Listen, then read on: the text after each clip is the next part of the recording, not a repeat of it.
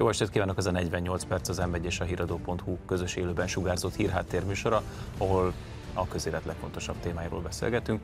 Én Lánci Tamás vagyok a műsor házigazdája, ma esti első vendégeim pedig Hortai Olivér és Tóth Máté. Köszönöm, hogy elfogadtátok a meghívást.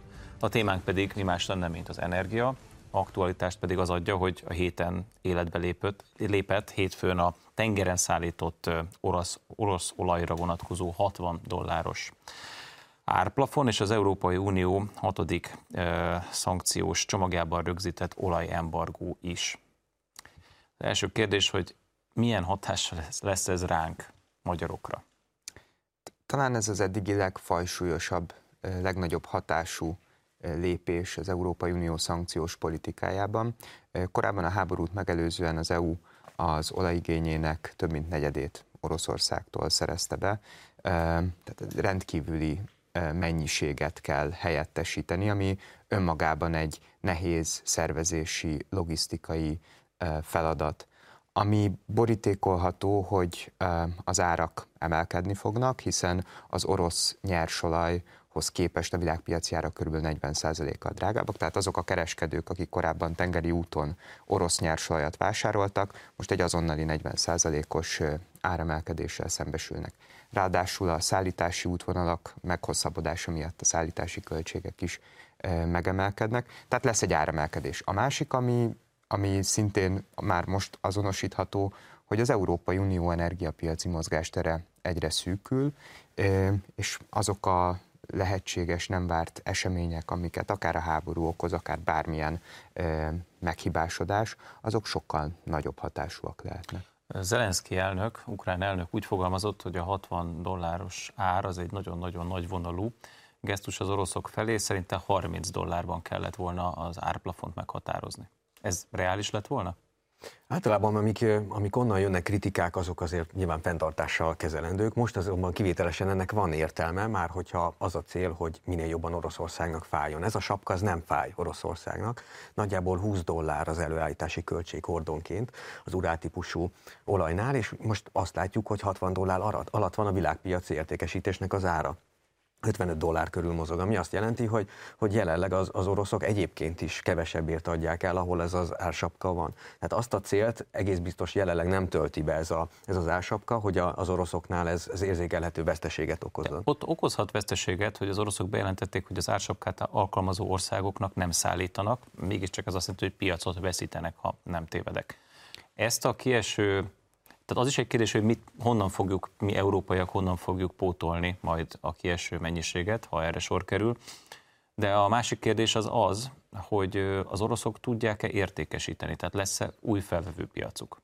Azt látjuk, hogy bocsánat, hogy, hogy Indiában pont most volt hír, hogy hatszorosára nőtt a, a, az orosz importnak a mennyisége, ez egy friss hír, tehát látszik, hogy India Kína felvevő piac, és, és Kína egyébként is ugye arra számít az egész világ, most egy ö, ismeretlen még az egyenletbe, de hogy, hogy nagyon meg fog nőni még a, a, mind a földgáz, mind a kőolaj ö, igénye, ö, felvevő igénye, tehát tud új piacokat találni ö, Oroszország. És ez fizikailag is el tudja oda szállítani Oroszország? Tehát ez megoldható? Hogy hogyan jut el Szibériából az olaj a Himaláján túlra Indiába? Ez az igazi kulcskérdés eh, ennél az olajárplafon javaslatnál. Tudnélik, az az ígéret, hogy Oroszország nem szállít azokba az országokba, amelyek bevezették, vagy támogatták ezt az intézkedést, az jelenleg Oroszország részéről tetszőlegesen megtölthető tartalommal. Eh, ebbe az is belefér, hogy nem változik semmi, hiszen az olajárplafont elfogadó országok jelentős része már olajembargóval sújtotta Oroszországot, és egyébként sem vásárolt tőle. Ez sokkal inkább egy kiegészítő intézkedés, ami a nyugati energiavállalatokra vonatkozik, amelyek korábban közvetítőként vettek részt az orosz országból induló, például Kínába irányuló eh, szállítási és biztosítási feladatokba. Tehát most egy olyan helyzet állt elő, hogy Oroszország az ársapkára hivatkozva, az olajársapkára hivatkozva lényegében tetszőlegesen felmondhatja azokkal az energiavállalatokkal a szerződéseit, amelyekkel szeretné. Ugye az ársapka, 60 dolláros árszint az nem effektív, e, innentől kezdve Oroszországot nem különösebben sürgeti az idő. Én úgy látom, hogy a nyugati e, országok az Egyesült Államok egyrészt tartottak attól, hogy hogyha nagyon lent húzzák meg ezt az ársapkát, az nagyon nagy beavatkozást jelenthet a, a globális olajpiacba, úgyhogy lehetőséget kínáltak Oroszországnak egy ilyen puha átmenetre. A célja az intézkedésnek egyértelműen az, hogy a nyugati vállalatokat is a piacok után leválassza Oroszországtól. Az, hogy mennyire lesz képes értékesíteni Oroszország máshova az olaját, az egy, az egy nyitott kérdés. Az elmúlt hónapokban azt tapasztaltuk, részben ez az indiai hír is erre vonatkozik, hogy Oroszország a várakozásokon felül teljesített az olajszállítmányai átirányításában, de azért itt nagyon nagy mennyiségről van szó, és úgy is, hogy az elmúlt időszakban Oroszország új tankerhajókat szerzett be, elkezdett új kereskedelmi kapcsolatokat kiépíteni közvetítő vállalatokkal. Még így is kérdéses, hogy, hogy mekkora mennyiségű olajat lesz képes átirányítani. Kinek fog ez jobban fájni? Jelenleg Nekünk, vagy az oroszoknak? Jelenleg azért azt látjuk, és az elmúlt hat hónapnak is az a tapasztalata, hogy a, a, az energia vonatkozási szankciók ugye kezdődött a szénnel, sokkal inkább Európának fájnak. A jelenlegi helyzet is ez, és egyébként jogilag is ez az izgalmas helyzet, Olivier gondolatát folytatva, hogy, hogy jelenleg az oroszokat hozza pozícióba egyébként is a szerződéses kapcsolatoknál, hiszen az oroszok kényelmesen hivatkozhatnak a külső hatásra, azt mondva, hogy ezek a szerződések ezek lehetetlenültek jogilag, gazdaságilag, és felmondják azokat, de csak amiket ők, ők kívánják. Ők kívánnak felmondani. Tehát abszolút pozíció pozícióban van Oroszország, tehát nem látszik a lépéskényszer jogilag, és gazdasági szempontból sem. Az infrastruktúrára visszatérve egyébként is ugye épül a Szibéria ereje vezeték, tehát mind az olaj, mind a gáz tekintetében Oroszország keresi az új értékesítési lehetőségeket, és párhuzamosan Európa is beruház az infrastruktúrába, gázoldalon ugye lásd LNG terminálok, ezek előbb-utóbb egyébként is beépülnek a, az árakba, ugye egyébként befagyott költség lenne stranded cost, tehát pontosan azt mutatja, hogy a fő mozgások tekintetében megkettőződnek az ellátási láncok, tehát a legnagyobb hatás az ez, az Európának semmiképpen nem jó, hiszen valóban szűkül az a piac, ahol Európa mozogni tud a beszerzések szempontjából. Ugye Magyarország a vezetékes olajszolgáltatásra kér derogációt, vagy legalábbis mentességet. E, még ha jól tudom, két másik ország kapta ezt meg, Szlovákia és Csehország, de javítsatok ki, hogyha rosszul tudom. E, a mi esetünkben ez most mit fog jelenteni? Elvileg a vezetéken keresztül ugyanúgy kapjuk tovább, erre, ha jól értem, az ársapka sem vonatkozik. Tehát akkor azt mondhatjuk, hogy Magyarországot ez a döntés érintetlenül hagyja? Nem teljesen. Valóban továbbra is vásárolhatunk Oroszországtól olajat.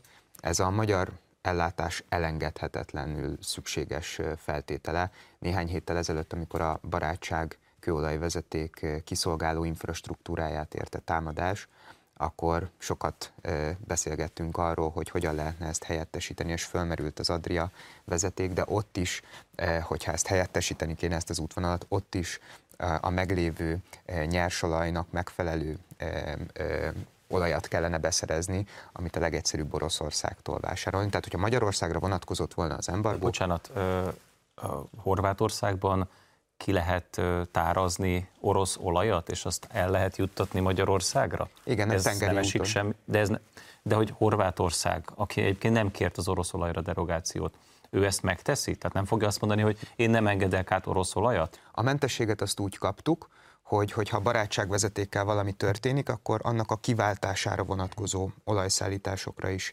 mentesség vonatkozik. Úgyhogy ez az a rész, ami azt mondja, hogy, hogy, hogy Magyarországot nem fogja közvetlenül érinteni az olajembargó, vagy nem érinti közvetlenül, viszont a másik oldalról az európai piac szűkülése elsősorban az üzemanyag eh, eh, behozatalon keresztül az bizony Magyarországra is begyűrűzik. Azok a kereskedők, akik most jóval drágábban csak világpiacról vásárolhatnak nyersolajat, és azt finomítják és értékesítik, azok a drágább üzemanyagot fognak kínálni, és talán érdemes lesz majd néhány szót áldozni a február 5-én életbe lépő Ez lett következő. a következő kérdésem. Ugye februárban egy újabb tilalom fog életbe lépni, ami a finomított kőolajtermékekre is kiterjed, és hogyha jól értem, ott a, a gyakorlatilag az Európai Unió megtiltja, hogy ezeket exportálják. Na most ugye itt, ha jól érte, javíts ki megint, mert te vagy ennek, ti vagytok ennek a szakértőjének a kérdésnek, hogy ugye a molnak ott van a finomítója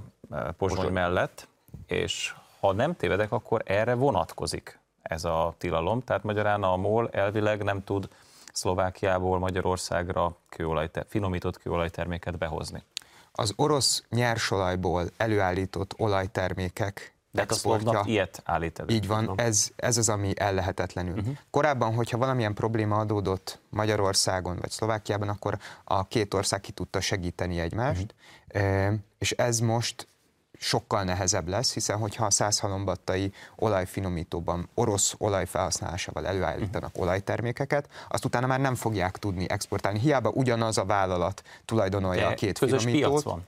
Hiába van tehát közös egy piac, piacon vagyunk. És tehát... mindkettő mentességet kapott. De így, így sem szabadság lehet. van, és igazából az a másik fel ennek a kellemetlenségnek, hogy itt ki is alakult egy ennek megfelelő munkamegosztása a különböző finomítók között, és azt látjuk, hogy például a molnak a pozsonyi finomítója, a sokkal inkább benzint állít elő, a százhalombattai finomító, a MOL Dufi, ugye a Dunai finomító, ez pedig alapvetőleg gázolaj, a dízelt. És ez, a, ez az eddig teljesen egészséges és korlátozás nélküli áramlás is innentől nehézségekbe fog ütközni, ami megint csak csökkenti azt a, azt a mozgásteret, ami a feldolgozott olajtermékek. Magyarországnak nem lenne érdemes lobbizni azért, hogy ezt a teljesen életszerűtlen uniós rendelkezést felszámoljuk? Ennek van egy másik fele is, ami nehezebbé teszi a helyzetünket lobbizni, mert nem csak, a, nem csak önmagában ez a szankciós dimenziója van, hanem van egy versenyjogi is. Tehát amiatt, hogy mi kapjuk az orosz, orosz olajat, ami lényegesen olcsóbb nyásra, ugye 60 dollár körül, látjuk a spreadet 90 dollár körül van a Brent.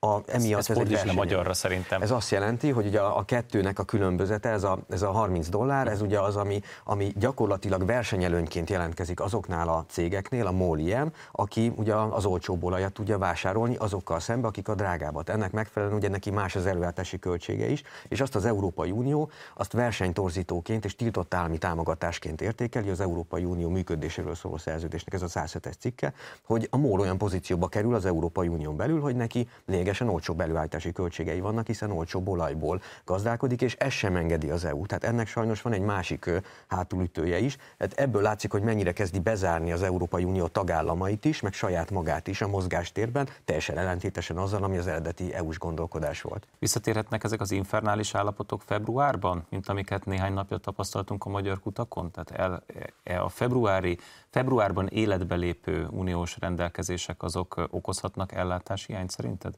Sajnos az a rossz hír, hogy semmilyen garancia nincs arra, akár Magyarországon, akár az Európai Unió más országában, hogy ne adódjanak újra és újra ilyen helyzetek. Tehát azzal, hogy az európai energiapiac mozgástere szűkül, azzal azok a nem várt események, mint amilyen például most a százhalombattai finomító részleges kiesése volt, vagy az a keresleti sok, ami részben a pánikvásárlásnak köszönhető, ezek sokkal nagyobb, nagyobb hatású eseményekké válnak. A Nemzetközi Energiaügynökség tavasszal az olajembargó elfogadása előtt készített egy tanulmányt, amiben megvizsgálta az olajembargó és az olajtermékekre vonatkozó embargó potenciális hatásait, és az a tanulmány egyértelműen arra a következtetésre jutott, hogy nagyon nehéz megmondani, hogy hol és mikor, hiszen ezek nem várt események, de az embargó az drasztikusan megemeli a helyi szintű súlyos eh, ellátási kockázatok, vagy ellátási problémák kockázatát.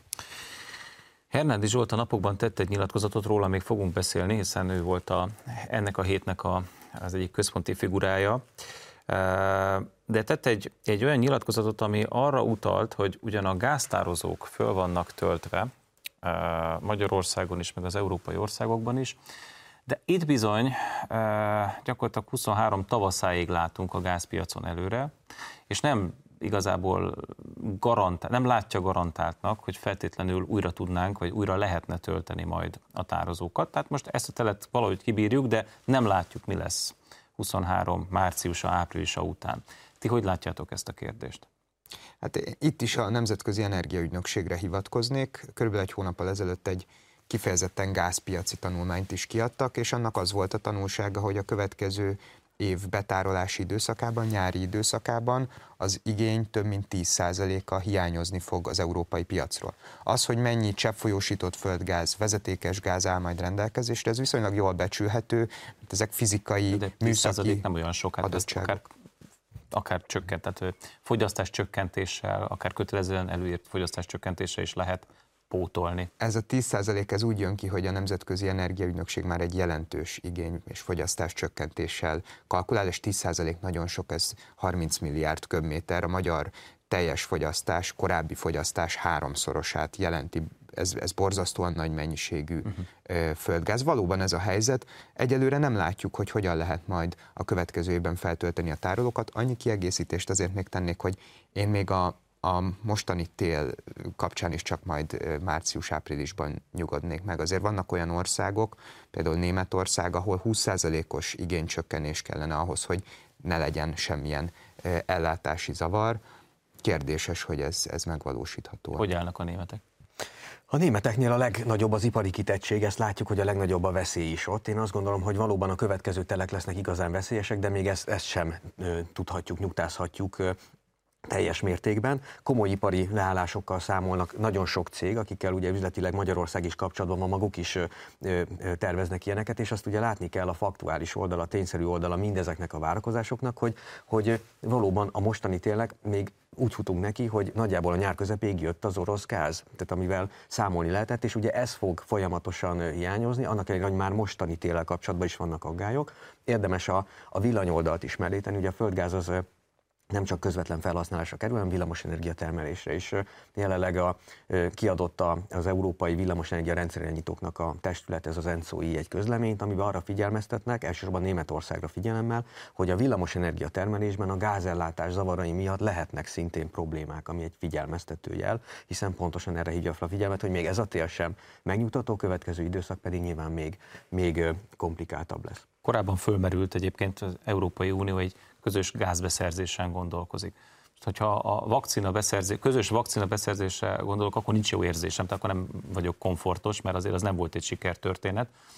Sem az árat, sem a szállítás gyorsaságát, minőségét nézve, meg az elosztást, szóval ott komoly, mondjuk úgy, hogy diszfunkcionalitás jellemezte ezt az egész vakcina kérdést, de mi a helyzet ezzel az ügyel, a közös gázbeszerzéssel? Egyetlen nekünk, magyaroknak, mint akik eléggé kitettek vagyunk, érdekünk-e, hogy ez, ez legyen? Én, én nem hiszem, azért nem hiszem, mert igazából a, nyilván egy közös gázbeszerzés lehet jó is. Azért is az a magyar álláspont egyébként, hogy, hogyha önkéntes, akkor ám legyen, csak ne tegyék kötelezővé.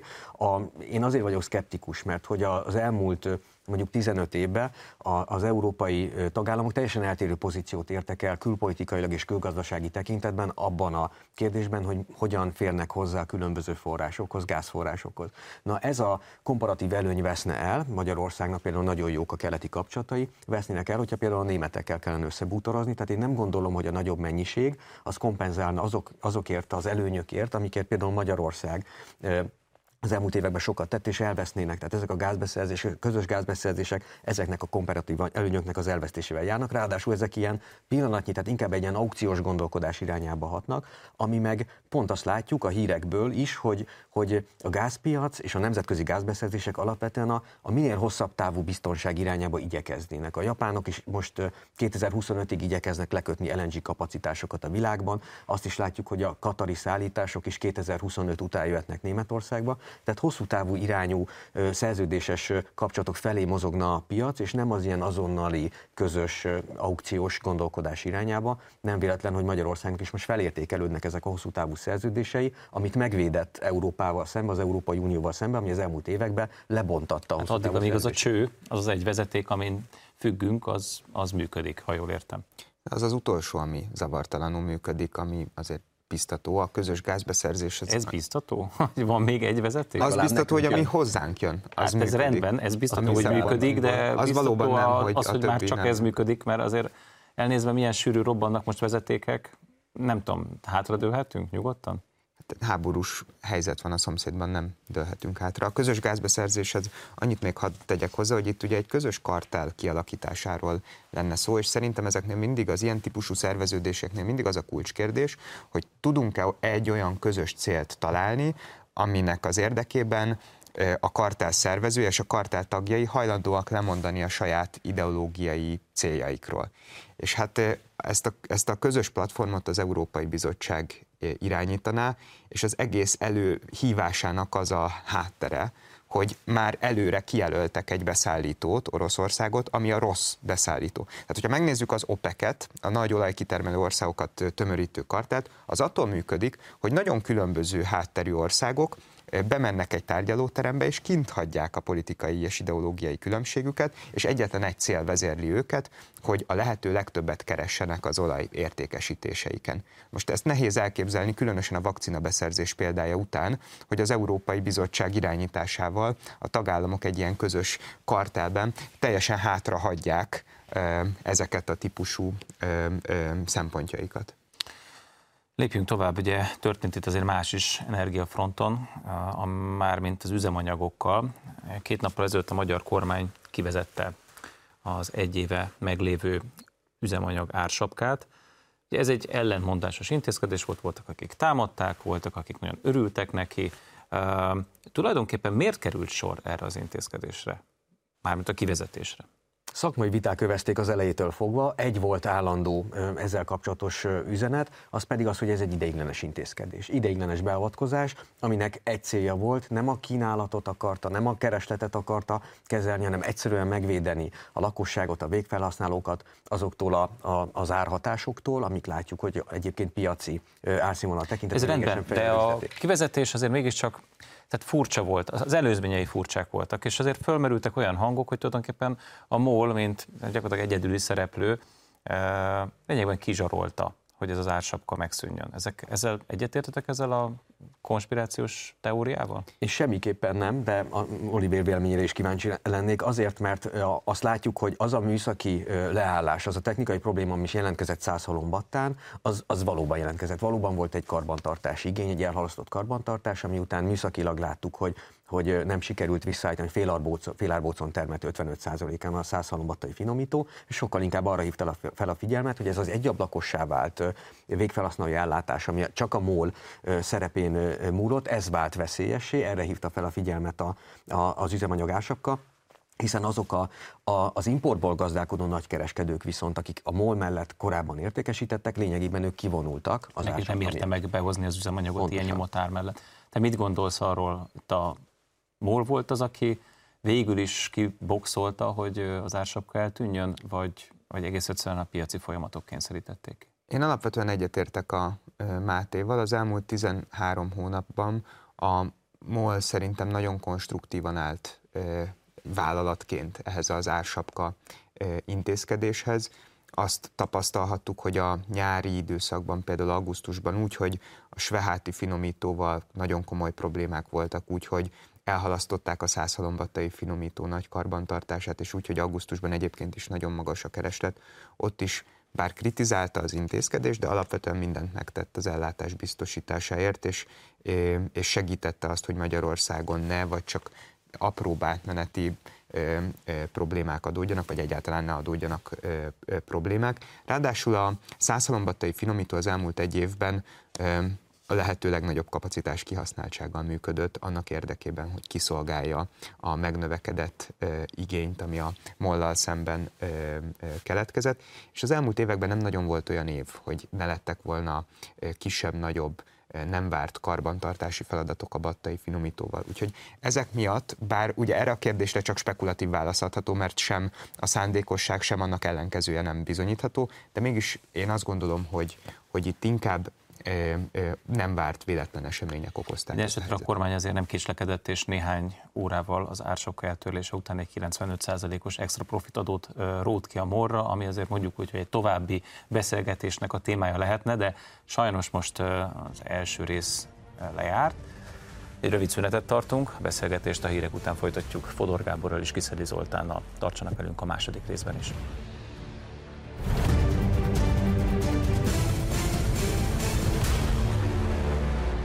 Folytatjuk a közélet legfontosabb témáival itt a 48 percben Fodor Gáborral és Kiszeli Zoltánnal. Köszönöm szépen, hogy elfogadtatok a meghívást. Ugye kedden ülésezett az EU tagországoknak a gazdasági és pénzügyminiszterei tömörítő tanács, az ECOFIN. Mindenki azt várta, hogy valamiféle döntés fog születni magyar ügyben, de erre nem került sor, ezt a jövő hétre halasztották, még ez se biztos, hogy a jövő, hát most már semmi se biztos. De szerintetek mi zajlik most Brüsszelben? Hát csak azért is kérdezem, mert múlt héten itt volt a műsoromban Siffer András, és ő úgy fogalmazott, hogy egy hadjárat zajlik lényegében a szuverenista országokkal szemben, Magyarországgal és Lengyelországgal szemben jelesül. Hát én egy kicsit komplikáltabbnak látom ezt a dolgot, mert Az kétségtelen, hogy Magyarország erősen a bűnbak szerepében van, ez igaz, és Lengyelország is bizonyos szempontból ott van. Na de közben pedig Lengyelország és Magyarország között is van konfliktus, tehát látjuk azt, hogy ugye én... És sok... Sifer bocsánat, hogy közbevágok, csak Igen. Sifer pont erre mutatott rá, hogy tulajdonképpen azok a vádak, amiket Magyarországgal szemben felhoznak, azok Lengyelországgal szemben egyáltalán nem állnak meg. Tulajdonképpen nem lehet tudni, hogy a lengyelekkel kapcsolatban mi a probléma. Egy valamit látunk, hogy van egy aláírt szerződés, a pénz pedig nekik se jön, és tulajdonképpen olyan hangokat lehet hallani Brüsszelből, hogy, hogy nem fognak pénzt kapni egészen a választásokig. Hmm. Hát elképzelhető, hogy így lesz az kétségtelen. Szóval gondok vannak, de gondok vannak a téren, tehát engem leginkább most e tekintetben az izgat, hogy Magyarország van egy nagyon elszigetelt helyzetben. Ugye én ezt már régóta szóvá teszem különböző beszélgetésekben, mindig elmondom, én azt aggasztónak látom, hogy egyedül vagyunk, és most már nem csak az van, hogy az Európai Unió szinterén, hanem a visegrádi országok között is elszigetelődtünk, és ez probléma. Ugye kérdeztette, hogy mi volt ezen a pénzügyminisztereknek a tanácsán. Az, hogy most ott pontosan, aktuálisan milyen erőviszonyok vannak, szerintem nehéz ebbe kiigazodni. Én, akik Brüsszelben tevékenykednek, téren azokkal beszélgetve, és azt látom, hogy ők is nehezen igazodnak ki. De én nagyon remélem, hogy meg lesz az aláírás december 15-én, ha ez a dátum egyáltalán, Most... amiről beszélhetünk, és hozzátenném, ezzel kapcsolatban viszont nagyon kockázatosnak tartom a magyar kormánynak a viselkedését, tehát ez a vétó, nem vétó belengetése, tehát ez a nem, nem, nem néz ki jól. Nem néz ki jól. Hadd kérdezzem meg, Zoli, tehát uh, mégiscsak zajlik a szomszédunkban egy háború, kifeszített gazdasági, biztonságpolitikai helyzetben vagyunk, a migráció újabb hulláma érte el, most már nyugati országok is elismerik és bevallják, hogy egy nagyon komoly migrációs nyomás alatt van Európa. ehhez képest Magyarországgal és Lengyelországgal tusakodik az Európai Bizottság. Tehát tényleg mi lennénk a legnagyobb probléma? Tényleg ez Európának ma a legfontosabb problémája, hogy 17 vagy 27 feltételt szabjanak, hány mérföldkövet és hány szupermérföldkövet állapítsanak meg.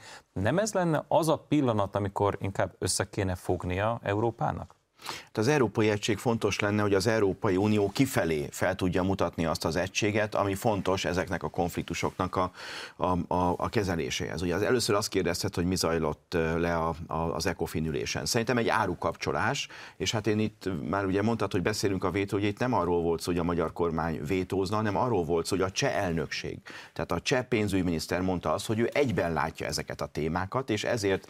Mármint, hogy egyben akarja szavazásra bocsátani. Igen, ezért, igen. Tehát a are úgy az volt, hogy először, eh, bocsánat, úgy volt, hogy először, először akartak szavaztatni az ukránoknak nyújtandó csomagról, utána az, az egységes 15%-os társasági adóról, és utána a globális, minim. a globális társasági minim, 15%-os globális minimum társasági minimumadóról, és utána jöttek volna a magyar témák, tehát ez egyfajta brüsszeli zsarolás, vagy hát ők ezt árukapcsolásnak hívnák, vagy egységnek hívták, de az a lényeg, én azt gondolom, hogy ez volt a kísérlet. És ami a második részt illeti, a szuverenista részt, talán még beszélünk a 18 milliárdos hitel kapcsán erről, arról, hogy Lengyelország, Csehország, Magyarország nincs az eurózónában. Ha minden úgy halad, ahogy most látszik, nyilván a háború sok mindent befolyásolat, akkor az évtized végére nettó befizetők leszünk. És itt van a kutya elásva, hogy miután nem vagyunk az eurózónában benne, minket nem tudnak az euróval fogni. A déli országok úsznak az adósságban, az északiak finanszírozzák őket, a németek 1100 milliárd eurót égetnek délen a Target 2 követelésekben, tehát fogják őket a déli adóssággal, és miután mi nem vagyunk benne, ezért kellett kitalálniuk valamit. Az egyik egyik ez a szuverenitásnál a hetes cikkely szerinti eljárás, ami nem működik. Most ezért vannak ezek a jogállami kondicionalitási eljárás, és hát a másik része pedig a közös adósság, mert a 18 milliárd eurós Ukrajnának nyújtandó hatóság után, így a héten írtam a mozgástér blogra egy cikket, hogy brüsszeli hitelnek túros hát, és ott még hat további közös hitel témát azonosítottam. Igen, miközben itt az elsőnek a felvételével is mondjuk úgy, hogy vannak némi döccenők. De előbb az elszigeteltségre utaltál, ugyanakkor Igen. a politikó vezető európai politikai fórumnak, újságnak az egyik december 5-én megjelent cikkében arról írnak, hogy Franciaország, Németország és Olaszország karöltve felszorítják az Európai Bizottságot, hogy vizsgálják felül a 3000 milliárd forintnak a befagyasztásáról szóló döntést, vel hát Magyarország lényegében mindent megtett, amit az Európai Bizottság kért. Ebbe bízhatunk szerinted? Hát nézd, olyan értelemben bízhatunk szerintem, hogy az én információim szerint zajlik is egy folyamat, tehát a bizottság készít egy új jelentést arról, hogy, hogy mi történt azóta, amióta a bizottsági javaslat megszületett, és ez a jelentés, hát ez nem tud más lenni, mint pozitívabb lesz, mert ugye ebbe abnak kell szerepelni, hogy egyébként közben a magyar kormány és a magyar parlament még meghozott olyan döntéseket, amelyek szükségesek voltak. Tehát ilyen értelemben valóban úgy van, ahogy mondott, tehát a politikunak jók lehetnek az információi a tekintetben, hogy tényleg a, ez a francia-német fellépés tulajdonképpen azt eredményezi, hogy a következő anyag az arról fog szólni, hogy Magyarország még inkább előre ment a feltételeknek a teljesítésében. De nem ennek, az a, ennek nem az a lényege, hogy ugye az Európai Bizottság javasol, és az Európai Tanács, amelyben ugye az állam és kormányfők foglalnak helyet, ők fognak végül dönteni. És az, hogy az olasz, meg a német és a francia kormány mit jelez az Európai Bizottság, tehát milyen jelentés rendel meg, ez tulajdonképpen azt is jelzi, hogy ők hogyan fognak a tanácsban majd szavazni. Ezt hát, rosszul látom, Zoli? Hát, jól, jól látod, jól látod Tamás, ugyanis hogy a, nézzük a, a pontokat, amik az asztalon vannak, az ukránoknak nyújtott segítség, segítség inkább a németeknek fontos, ugye, hogy mintán nehéz fegyvereket nem küldenek, meg nem is nagyon akarnak, mondjuk tankokat, ezért valamit kell nyújtaniuk, és hát most például ezt a, ezt a, ezt a segélyt akarják. A franciák pedig a társasági adóban érdekeltek, hiszen Nyugat-Európában átlagban 23-25 százalék a társasági adó, és ha ez 15 százalékra, ez igazából csökkenés lenne, csökkentés lenne nagyon sok sok nyugat-európai országban. Nálunk ez egy emelés lenne 9-ről 15 százalékra. Tehát azt gondolják, hogy ha ez az új jelentés kijönne, ami tényleg a magyar kormány által, illetve a törvényhozás által, be, kormány által benyújtott, a tör, az országgyűlés által elfogadott törvényeket is már figyelembe veszi, akkor az lehet a deal, hogy akkor nem mondjuk 7,5 milliárd eurót fagyasztanak be a nekünk egyébként járó költségvetési forrásokból, hanem mondjuk kevesebbet, és azt gondolják, hogy akkor a kormány, a magyar kormány feladja az ellenállását ezekkel szemben. Ez megint csak azt mutatja,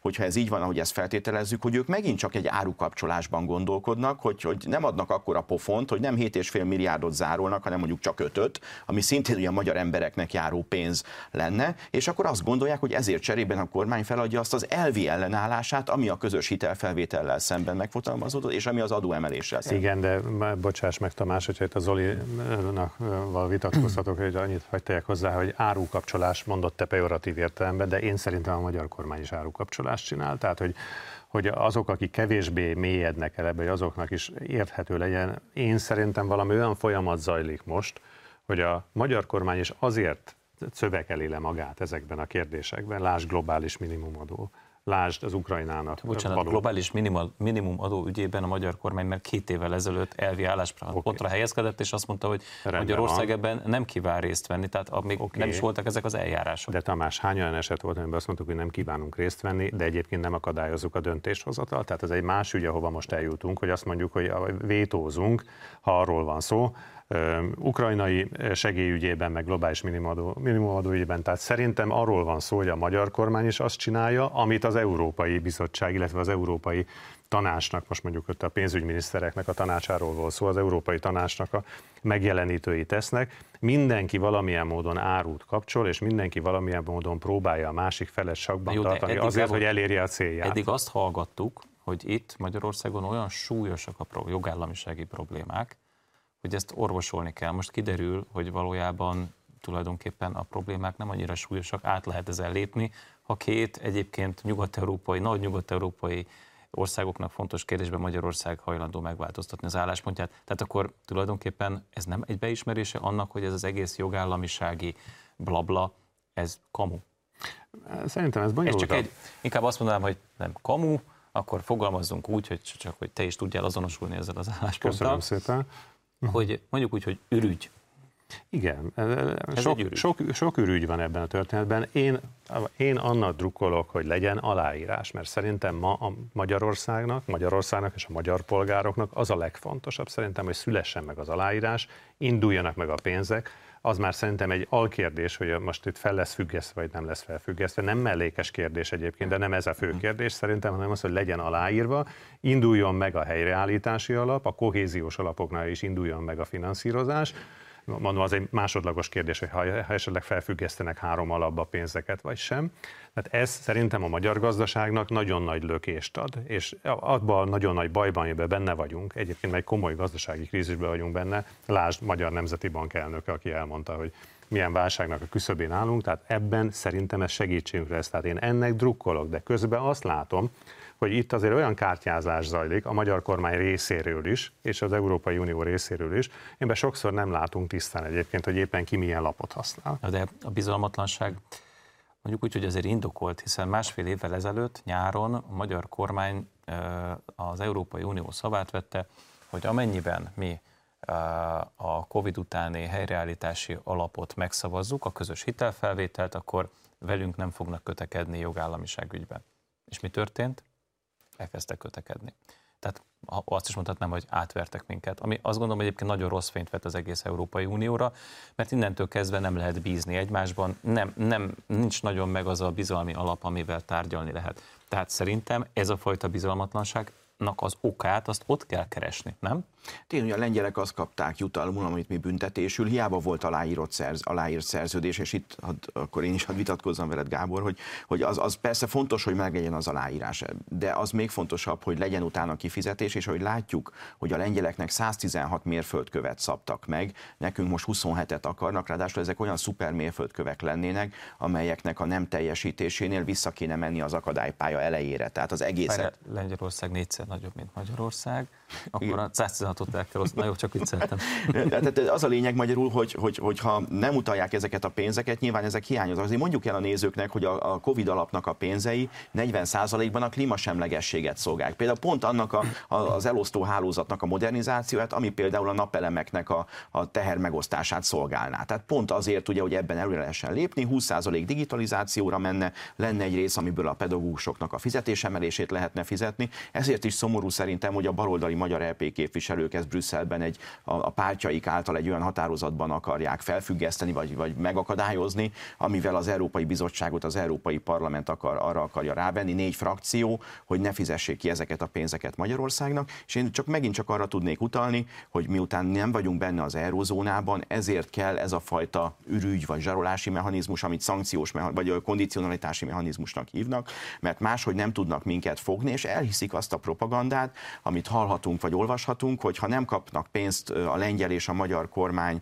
nem, nem utalják a pénzeket, összeomlik a rendszer. Lengyelország fél éve nem kap pénzt és nem omlott össze, Magyarország is ugye működik, nyilván jobb lenne, ha megjönnének ezek a források, mert azokat a célokat, amiket elfogadtak 2020-ban, azokat lehetne ezeket a, ezzel a brüsszeli pénzzel megvalósítani Magyarországon is arányaiban. Tehát ezért fontos, hogy ezek a pénzek megérkezzenek. Most ez egy utolsó utáni gondolat talán a bizalom azért fontos, Tamás, mert ugye itt egyhangúságra van szükség, és igazából az egyhangúság az egy kompromisszum kényszer. Tehát ez egy demokratikus intézmény, hogy a, az aggályokat, a fenntartásokat is vegyék figyelembe, és egy olyan kompromisszumot tudjanak kötni politikai alapon, amiben mindenki, amivel mindenki tud élni, és ez az, ami nem működik Európában, és a lengyel és a magyar példa csak azt mutatja, hogy ezen változtatni kéne, mert így nem tudnak a háborús helyzettel megbírni. Hadd menjünk most tovább, hogyha egy, gondol, jó, egy egyetlen gondolat, mert, mert igazad van, nyilván más téma is van, csak egy gondolat ehhez, amit az Zoli mondott, hogy hogy igen,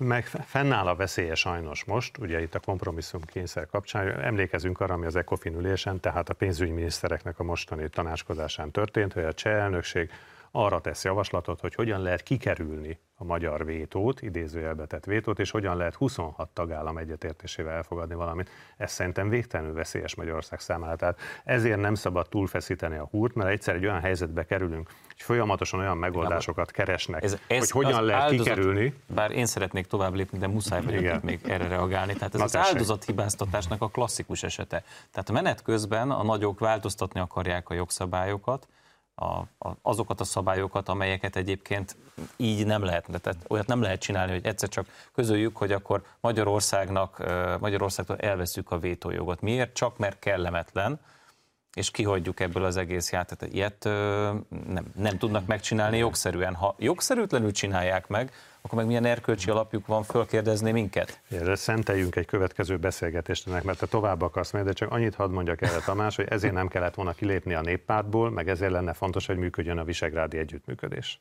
Nos. Részeiben működik azért. Migráció terén például. Másrésztről az Európai Néppárt saját magából lépett ki, azt gondolom, és ha megnézzük, hogy jelenleg hol vannak kormányon néppárti erők, akkor hát most talán sok országot nem tudok felsorolni. Tehát mondjuk úgy, hogy nincs jó bőrben a néppárt, és a lobby ereje azért erős. erős De azért mégiscsak a második legnagyobb, sőt, hát bizonyos a, szempontból a legnagyobb hát politikai tömörülés most. Rendben. Ezen nem fogunk összeveszni. történt egy másik dolog is az Unióban. Én azt gondolom, hogy itt is nagyon furcsa, amit a, az Európai Unió tesz. Ugye volt egy nyugat-balkáni ö, csúcs találkozó a hét elején, Orbán Viktor is részt vett, és főszólalt Szerbiának az uniós tagsága mellett. Ez nagyon régóta az asztalon van. A szerbek nagyon régóta várnak arra, hogy az Európai Unióba belépjenek, és nem engedjük be őket. Ám Magyarország beengedné, de az Európai Unió nem. Nekem deja vu van. Tehát ott volt annak idején Ukrajna, ugyanezt a játékot játszották velük is egyébként, hogyha jól emlékszem.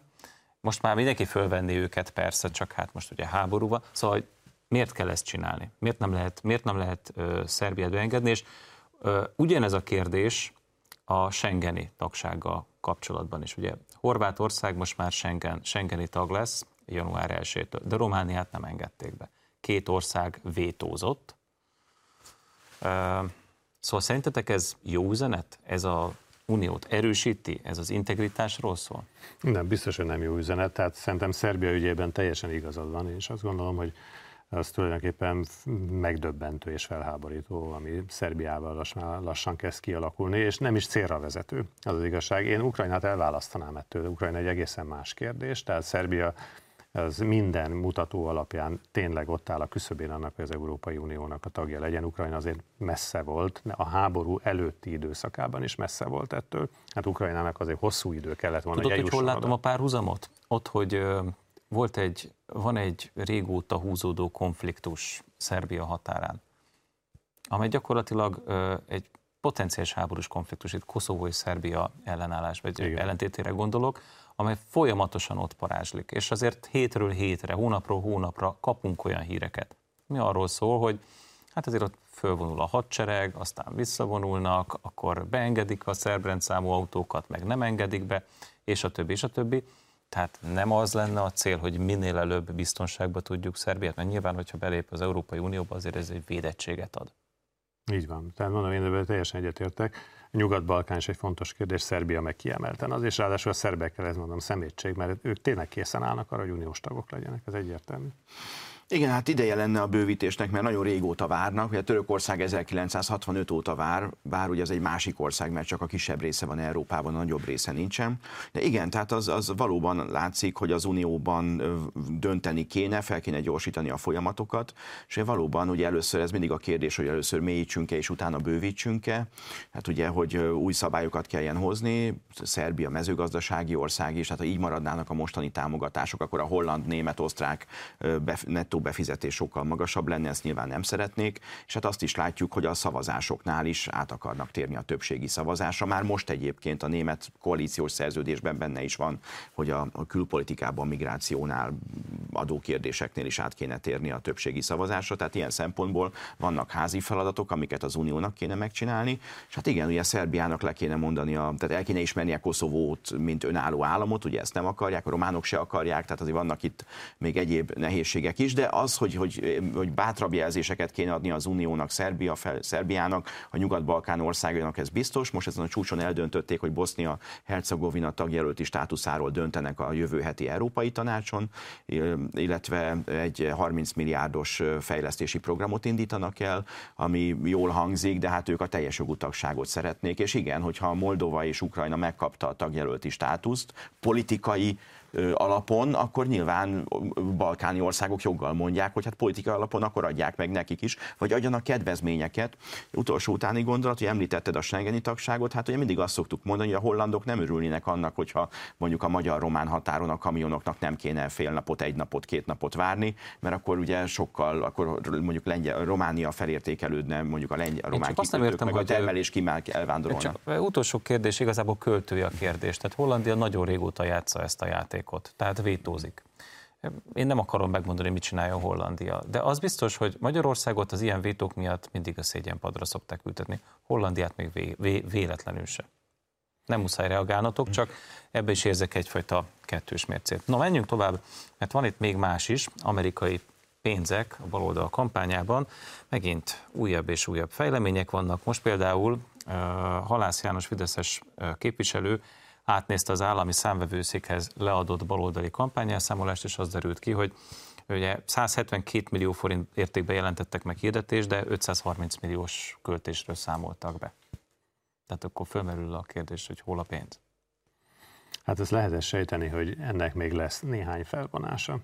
Tehát ez egy, nem néz ki jól ez az egész történet, sőt, még annál is rosszabbul néz ki, és én biztos vagyok benne, hogy azért el fog húzódni. Szerintem jövő évben is fogunk erről beszélni. Eleget, hogy, hogy mi volt itt ezzel a, a, az amerikai, vagy hát külföldi finanszírozással, ami Márkizaj Péterék körül volt, és ráadásul, ha már Márkizaj Péter nevét mondtam, akkor ő mindig szolgáltat, szinte minden héten valami csemegét azzal kapcsolatban, hogy hogyan megy ez tovább ez az egész történet, de azért szeretném leszögezni, hogy mindezzel együtt hogy az alap kiinduló pont az, hogy a törvényeket be kell tartani, és mindenkinek természetesen a, a megfelelő magyar törvényeknek a, a kellő tiszteletével kell eljárni ebbe az ügybe. Azért azt is tegyük oda mellé, hogy az ellenzék olyan helyzetben van hosszú ideje, hogy egyszerűen nem versenyképes anyagilag a kormánypártokkal hiszen a kormánypártok kormánykampányokkal, tudjuk a CÖF problémát, ugye, hogy hogyan lehet kikerülni, ugye az MMM is ugye azért jött létre, hogy ami hasonló modellt hozzon létre, hogy egy civil szervezetet létrehozunk, és egy civil szervezeten keresztül bizonyos dolgokat lehet finanszírozni, amelyek kapcsolódnak a választási kampányhoz.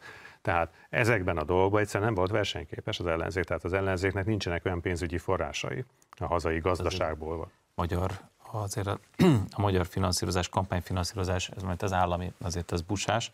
De... Na, na, na, ne, nem mondja ilyet, Tamás. Én ezt közelről láttam, én tudom, milyen az. Szerintem én tudom, milyen bőkező. az pártvezető. Nézzük, egyáltalán nézzük nem bőkező. Egyáltalán hát, nem bőkező. A és ez franciával összevetve, a franciával összevetve, ahogy gyakorlatilag azt is megakadályozzák, hogy bizonyos politikai szereplők akár hitelt vegyenek föl. Messzire és ide kell kérdés. jönni Magyarországra, Messzire vezető kérdés, de ott például senki sem aggódik a francia pártversenynek a sportszerűségért. Szóli? Én azért nézzük meg, hogy, hogyha, ugye, amit mondtam Tamás most számokat, hogy mondjuk 125 millió, 500 milliós nagyságrend a, a kampányköltés, akkor nem csak az a kérdés, hogy, hogy, hogy hova ment a pénz, hanem hogy honnan jött a pénz. Tehát ez nagyon fontos, mert ugye itt van egy szempont. Ugye Márkizai Péter azt mondja, hogy a hat baloldali párt, az összefogásban szereplő pártok vezetői tudtak erről. Ők azt mondják, hogy nem tudtak erről. Most viszont ugye, amikor nézzük a, ezeket az elszámolásokat, akkor most majd szint kell vallaniuk, hogy akkor most tudtak vagy nem tudtak. Az elnökök szignálcsoport csoportban beszéltek-e erről, mert azért 3 milliárd forint azért az feltűnik egy kampányban.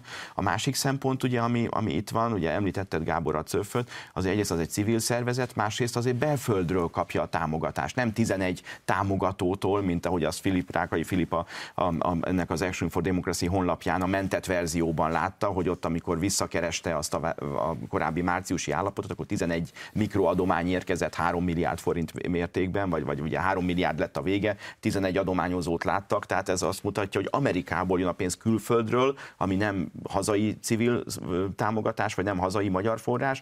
Ugye Amerikában milyen szigorú törvények vannak, Izraelben is egyébként szerintem joggal, hogy külföldről ne avatkozzanak be az ottani belpolitik, az ott élő embereknek a dolga. És hát mi magyarok is ugye kényesek vagyunk arra, hogy mi sem szólunk bele mások dolgaiba, ő mások sem szóljanak bele, és pláne ne a szövetségeseink és barátaink Amerikából, pontosabban a Deep State részéről, mert feltehetően ugye ezek a mikroadományozók, hogy akik az Action for Democracy-ben vannak, feltétlenül ott kereshetőek. Szívesen megadnám a szót, viszont lejárt a műsoridőnk. Ennyi fért bele a 48 percbe. Köszönjük a figyelmüket. Egy hét múlva találkozunk az m és a híradó.hu-n. Addig is, ahogy mondani szoktam, tartsák szárazon a puskaport.